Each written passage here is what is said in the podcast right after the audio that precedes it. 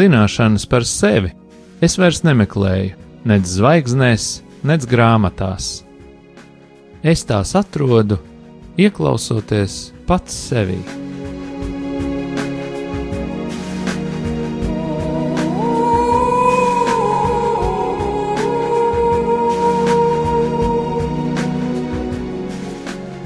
Raidījums Mīlestības terapija top mīlestības mājai, sadarbojoties ar profesionālo pastorālās konsultēšanas asociāciju. Sarunas par sevi, dzīvi, psiholoģiju un dvēseles terapiju.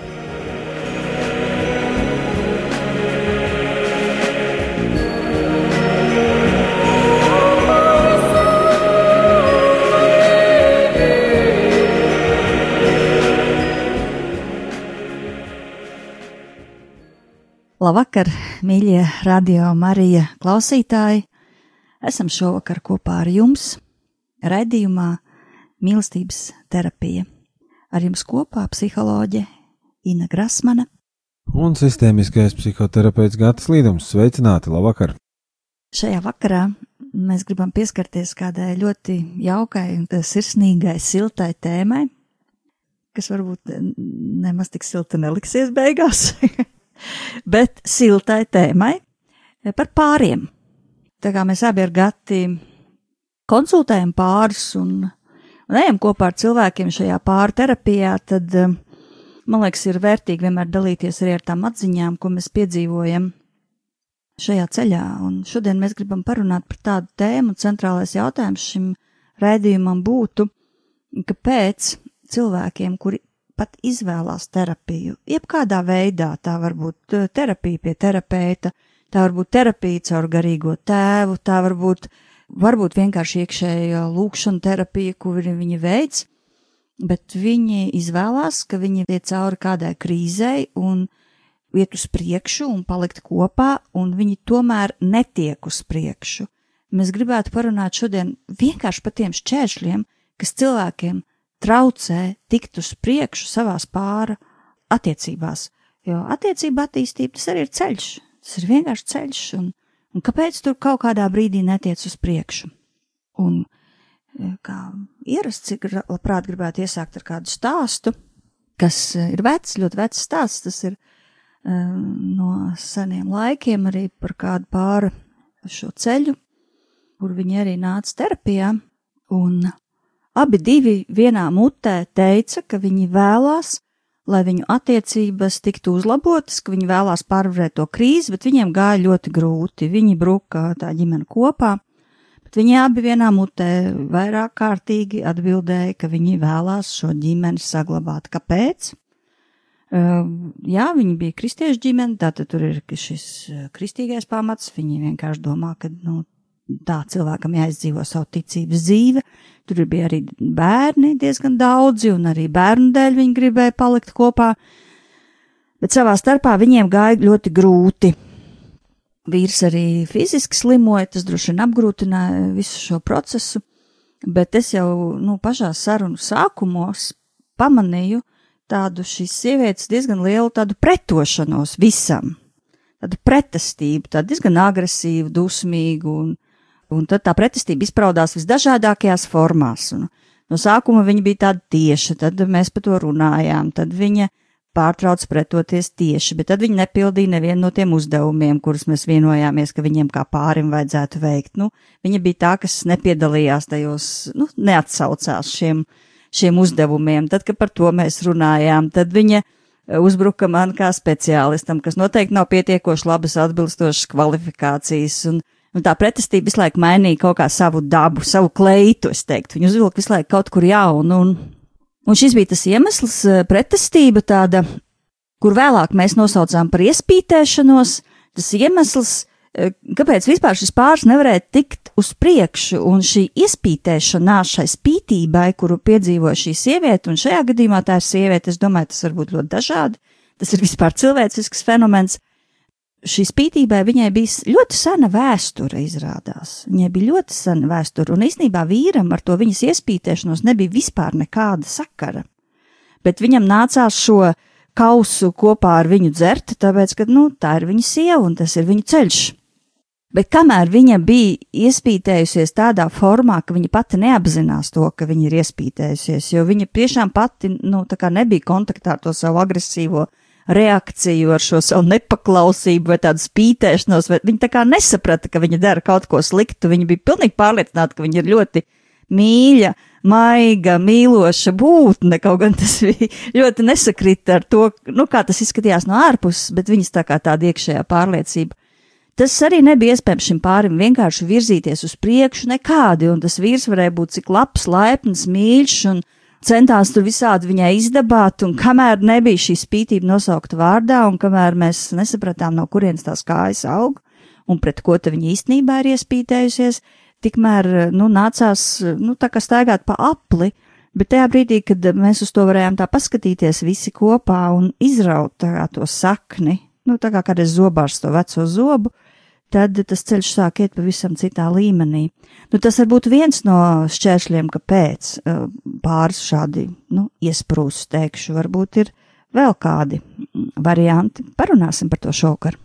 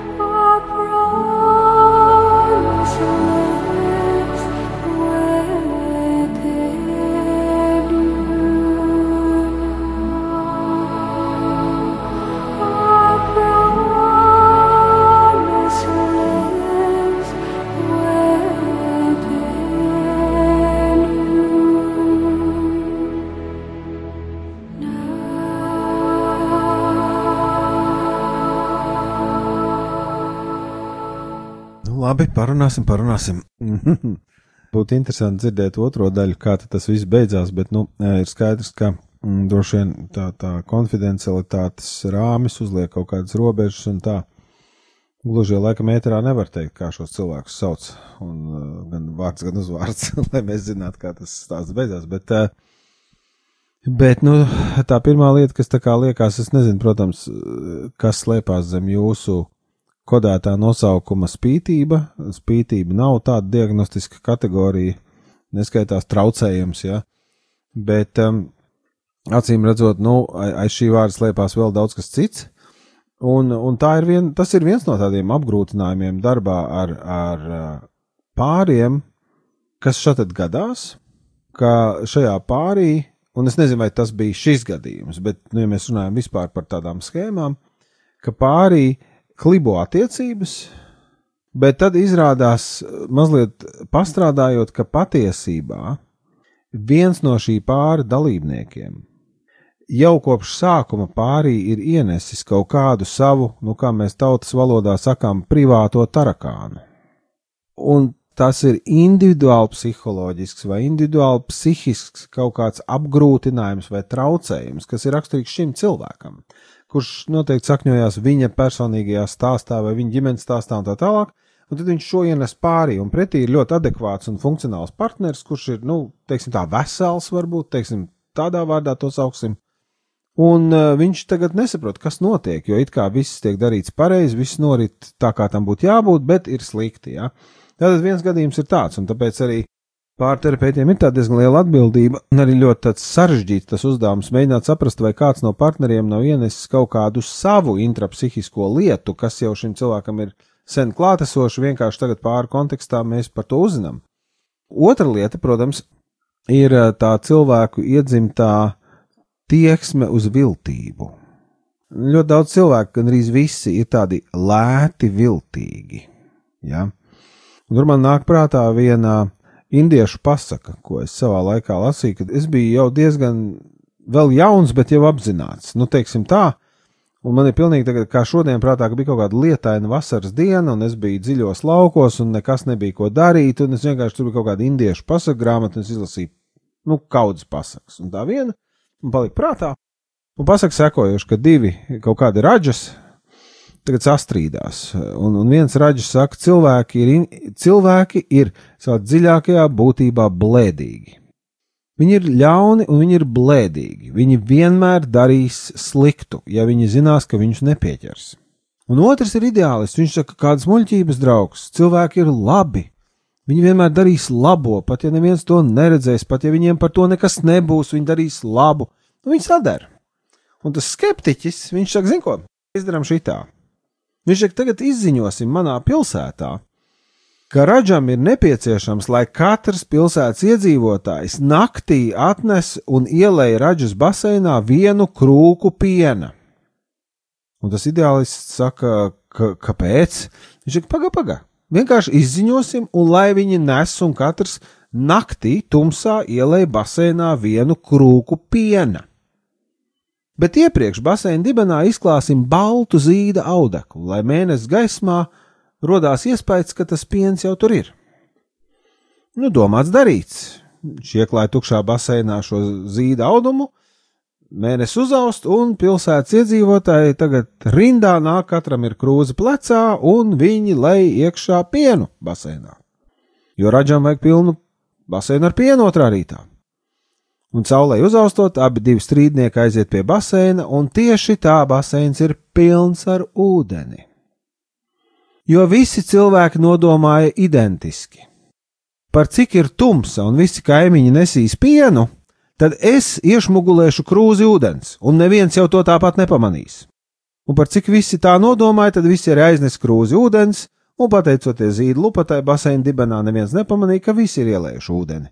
Un tātad šis skeptiskais raģa vinnēja to nabaga ideālistu, kurš domāja, ka visi cilvēki ir labi, jo cilvēki ir blēdīgi.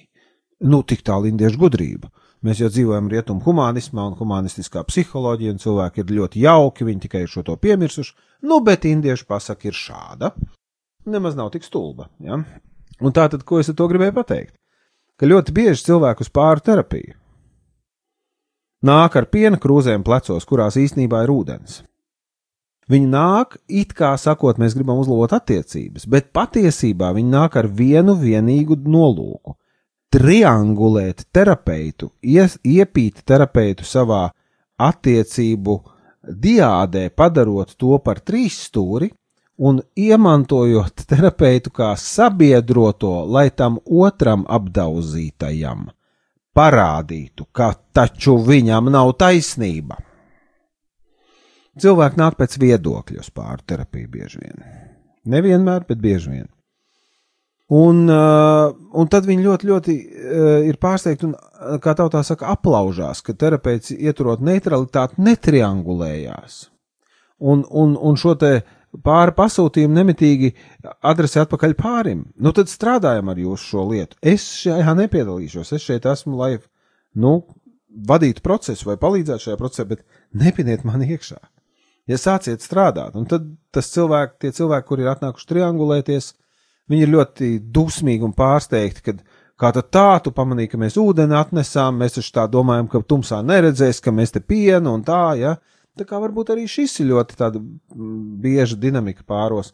Nu, labi, ir arī terapeiti, kur strādā pēc citām paradigmām ar pāriem, kur tīšām triangulējās un tad struktūrāli caur to trīs stūra attiecību formu mēģina kaut ko iztamborēt un, un izpeldēt otrā krastā jau veselāki kopā ar pāri.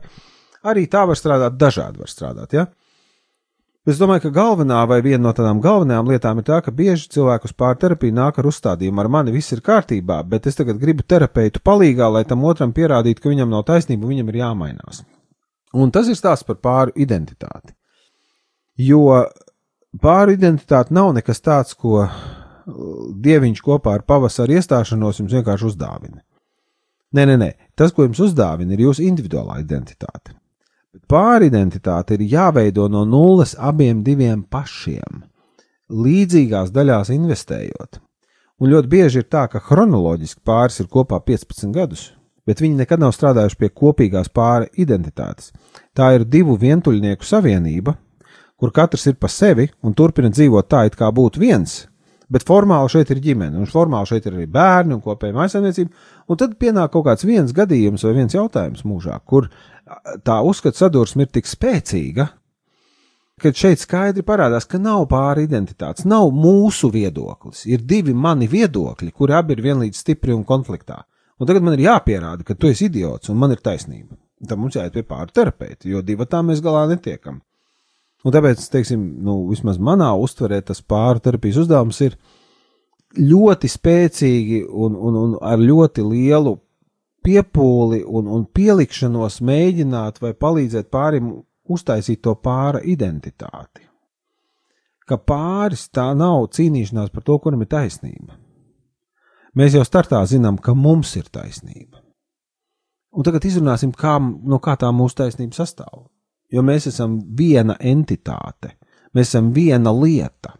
Tas, ka šeit ir divi personu kodi satikušies, tas, tas ir kaut kas cits, bet mēs esam, mēs esam viena vienība. Ja? ja to izdodas, tad kādreiz arī pāris ļoti sekmīgi uzstartē un aiziet tālāk. Tā kā kas tas bija tavā gadījumā, tu droši vien zini, es nezinu, nu mēs skaisti par to parunājām, varbūt tagad tu kaut ko vari pateikt.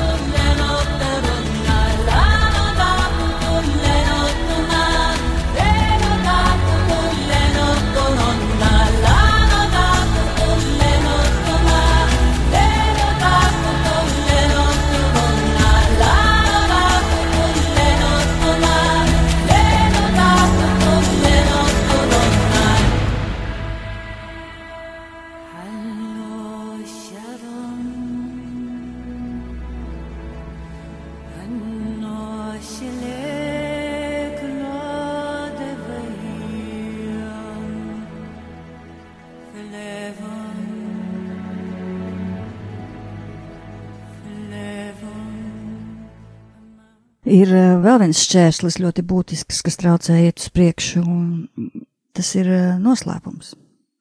Tas ir, uh, tas var būt pa īstam noslēpums, un es personīgi esmu savā praksē vienreiz pārtraukusi terapiju. Nu, tas noslēpums nāca gaismā, bet cilvēks ir melojis ļoti ilgtermiņā. Bija jāpārtrauc šī terapija bet vai nu ļoti nopietnu lietu noklusēšana, manā skatījumā arī ir nu, līdzvērtīga melošanai pārī. Ja iet runa par tā, nu, es nerunāšu šeit par kaut kādu pagātni, vai tas ir tas, kas mūsu starpā ir, un kāds ļoti ilgtermiņā klusē par to. Bet šie noslēpumi katrā ziņā ir šķērslis, un uh, man tiešām ir vairāk ļoti spēcīgi stāsti. Piemēram, vienreiz atnāca pāris, kur tā sieviete dara visu, kas ir viņas spēkos, lai uzlabotu tās attiecības, bet viņa vienkārši nezina, ka tur ir vēl viena sieviete. Nu, viņi to nezina, un, un vienkārši viņi mēģina salabot attiecības, un, un tas nāk gaismā tajā pāri, nu, tajā sarunā, un, protams, ka tajā brīdī, nu, tad, tad vienkārši ir jāpieņem lēmumi. Vai bija gadījums, kad krāpšana ir bijusi kaut kad sen, sen pagātnē, attiecību sākumā, bet cilvēki ir nodzīvojuši 20 gadus, un sievietei ir par smagu šo noslēpumu nest. Viņa ir nesus, viņa jau 20 gadus, un viss viņa ir piekusus, viņa vairs nevar to panest, bet tas ir noslēpums. Tas ir noslēpums, kur atklājot izjuks ģimene.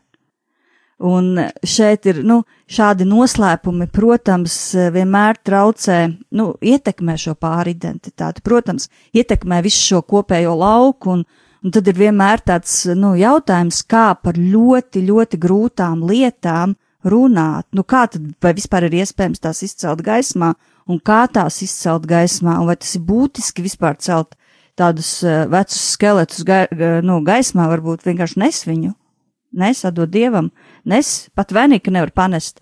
Nu, tas vienmēr laikam katram pārim personisks jautājums, kā runāt par ļoti smagām un grūtām lietām un, un kā atrast to savu unikālo un vienreizējo veidu, jo identitāte veidojas runājot arī par šīm smagajām lietām, par šīm ļoti grūtajām, par tumšajām lietām. Un, varbūt, kad mēs esam bijuši kopā tumsā, tad mēs arī varam nu, tad mēs esam izturējuši kādu pārbaudījumu, palikuši tuvāki. Varam iet uz priekšu, varbūt kādā citā kvalitātē. Ko tu gati par eh, noslēpumiem, varbūt tev ir vēl kāds vārds. Par to staigāšanu tumsā. Tur nu gan var piekrist, ka man pārējais dzīvē ir iznācis pastaigāt pa alām. Ļoti maz. Nu, es neesmu alu staigātājs. Droši vien, ja es būtu varbūt jaunāks vai arī dzīvotu citā geogrāfiskā vietā, kur ir kalni, tad es iespējams, ka arī būtu alu staigātājs. Bet pārreiz es esmu pārlām pastaigājis ārzemēs, un, nu, protams, ka visiem ir lukturīši un tā, bet tad kaut kādā brīdī tas lukturītis, nezinu, tur izslēdzās, nu, kaut, kaut kas varbūt. Jā. Tur iestā, vienā gadījumā bija tā, ka iestājas tums. Mēs tur bijām kādi četri vai pieci vai seši cilvēki. Es neatceros. Nu, kaut kādi vairāk par četri, man liekas, pieci, seši. Un uh, Un tajā brīdī paliek ārkārtīgi būtiski tas, vai, vai, vai jums ir saķere, nu, respektīvi, vai mēs esam kopā. Jo tajā tumsā, al, alā, tie, kas nav bijuši, to nevar saprast, alā nav gaismas. Tur ir tikai tumsa. Tas nav tā, kā mums logam ir priekšā nakts aizskari un kaut kas jau tur spīd, un mēs, nē, nē, tur nav nakts aizskari, jo tur, nav, tur ir tumsa. Ja? Un tad ir ārkārtīgi svarīgi, ka tu esi saķēries ar kādu, ka tu vispār saproti, nu, tā vienīgā orientācija telpā ir tava saķere ar otru cilvēku. Un tad, ja to alas tumsā, kur kaut kas notika ar apgaismojumu, piepeši spēja ar kādu saķerties un kustēties, tad iznākot gaismā, to šo cilvēku nu simtpunkti varēs kustēties, jo jums ir tā pieredze. Un tādā metafors līmenī ne jau velti ģimenes sistēmiskajā terapijā, un tas ir neatkarīgi no tā, manuprāt, tas pat ir universāls princips, neatkarīgi no tā, kādu specifisko apakšnodari cilvēks ir studējis un, un praktizē, ka ģimenes psihoterapija nestrādā ar noslēpumiem. Respektīvi, mēs, ne, mēs nevaram strādāt, ja tiek turēts noslēpums. Un uh, man arī kādreiz ir bijis pāris gadījumi tādi ir bijuši, nu, bet senāk jau tagad cilvēki, tie, kas tiek līdz terapeita krēslam, ir mazliet izglītotāki, jo viņi jau kaut kādas grāmatas arī ir palasījuši, un viņi apmēram saprot, kā tas notiek. Agrāk, nu, vēl 15 gadus atpakaļ tā nebija Latvijā. Cilvēki nezināja, ko viņi iet. Un tad man bija kādi gadījumi tādi, ka, nu, es vienmēr, no, vai parasti ar pāri sākot strādāt, es arī ļoti skaidri, nu, mīnu vairākas lietas par atbildību, par ierašanos un tā, un tad arī kaut kādā brīdī es arī minu, ka es nestrādāju ar noslēpumiem šajā kabinetā. Tātad ja, mēs strādājam ar to, kas ir zināms, un viss, kas ir zināms, ir zināms visiem. Un tā, un tad uh, kaut kādā brīdī, kaut kādā brīdī, nu, formāts to arī atļauj satikties ar katru pārdalībnieku vienreiz atsevišķi, un tad es satiekos, un tad viens no pāris saka, klauzini, bet īstenībā jau tā lieta ir tāda, un es tūlīt pateikšu, un, un tajā brīdī, tad, nu, man ir izvēle. Ir bijuši gadījumi, kad es ļāvu pateikt, teicu, un tagad atceries, ko mēs pirmā sesijā runājam, noslēpumu nav. Ja tu gribi šo terapiju turpināt, tad tu nākamā sesijā šito pats labāk pasaki, savādāk man būs jāsaka. Mēs nevaram neko sasniegt, nu, un līdzīgi gadījumi, kā tu minēji. Ja? Un tad nu, cilvēki vai nu izbīstās līdz nāvei, vai nu arī, manuprāt, vienā gadījumā tas konkrētais cilvēks izlēma pārtraukt terapeitiskās attiecības, jo viņš bija izpļāpājies par noslēpumu, kuru viņš nebija gatavs uzrunāt tātad, nu, pārī, un vienkārši klienti pazuda. Um, un citreiz, uh, nu jā, mēdz būt dažādi, bet jebkurā gadījumā, protams, ka tas ir terapeitiskās meistarības jautājums, kā palīdzēt šo noslēpumu ienest šajā telpā. Ja? Bet, jebkurā gadījumā, ja mēs kā kaut kā spējam iekāpt tajā noslēpuma tumsā un tur neaiziet bojā, tad pēc tam izkāpjot otrā pusē ārā gaismā, mēs noteikti funkcionēsim labāk. Noslēpums ir kā audzējs. Tu vari dzīvot ar audzēju ķermenī kaut kādu laiku, bet viņš aug un viņš tevi lēnām sēž. Un tad tev ir izvēle, varbūt izgriezt. Jā, operācija būs nepatīkama, varbūt tur ir kaut kāda starošana vai ķīmija vai kaut kas tāds, un ja izdodas ar vienreiz izgriezt, baigi labi, esi vesels, un tad tu atlapsi, un tad tev ir tik labi bez tā audzēja. Jā, bet uz to brīdi, kamēr grieza, bija šausmīgi slikti. Un ar noslēpumiem pārosa līdzīgi. Operācijas mēdz arī pacienti neizturēt. Šad tad ir tā, ka nu, mēs griezām, gribējām labāko, bet iznāca tā, ka mums ir tagad jābrauc uz citu adresi, kur cilvēki paliek pēdējo reizi šajā pasaulē. Ja? Tā tad uz kapiem. Tā nav simtprocentīgi garantija, ka atklājot noslēpumu pāri attiecībās, mēs izdzīvosim. Bet, ja mēs izdzīvojam un, protams, no tā iziet ārā, mēs noteikti būsim daudz stiprāks pāris pēc tam. Nu, tā būtu analoģija ar to iešanu pālu, kad nodziest gaismu, un tu esi tumsā. Vienkārši, nu. nu tā, es nezinu, vai tas palīdz, uzrunā, varbūt tev ir vēl kāds komentārs.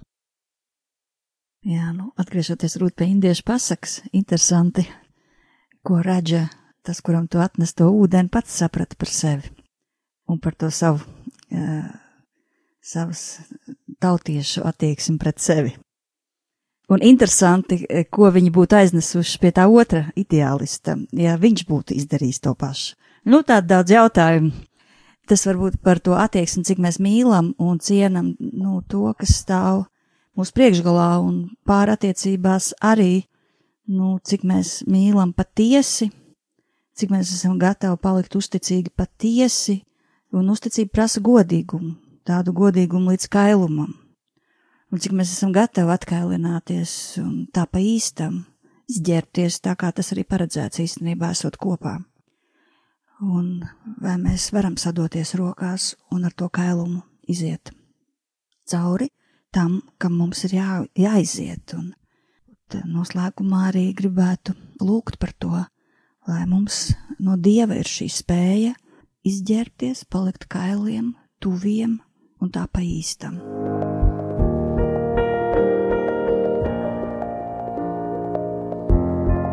Jā, mīļais debesu Tēvs, mēs kopā ar tiem pāriem, kas eh, šodien, šeit, šajā vakarā, lūdzās ar mums. Nākam tavā priekšā. Tu redz, kungs, dažādus pārus. Tu redz pārus, kuri iet, tu redz pārus, kuriem sāp.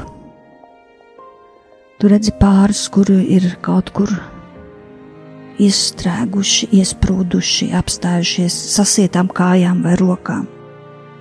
Tu redzi pārus, kuri melo, tu redzi pārus, kuri meklē patiesību. Tu redzi dzīvus pārus, un tu redzi pārus, kuri dodas nāves virzienā. Es lūdzu, kungs, ka tu katram uzliec savus caurdurtās rokas un caur savām brūcēm, lai tiek dziedināts katrs viens un atjaunots tas, kas ir kopā. Mēs saistam arī Jēzus vārdā jebkādu tumsas ietekmi uz divu cilvēku ceļu. Mēs Jēzus vārdā lūdzam jaunas robežas, katram pārim jaunu redzējumu, jaunu satikšanos, jaunu atvēršanos, jaunu atklāšanos un jaunu patiesu satikšanos. To visu mēs lūdzam Dieva Tēva, Dēla un Svētā gara vārdā. Amen!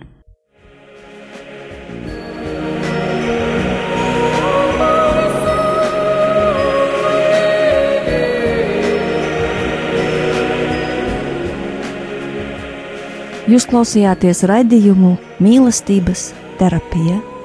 Raidījums varat noklausīties mājaslapā mīlestības māja.lv vai Latvijas Profesionālās pastorālās konsultēšanas asociācijas Facebook mājaslapā.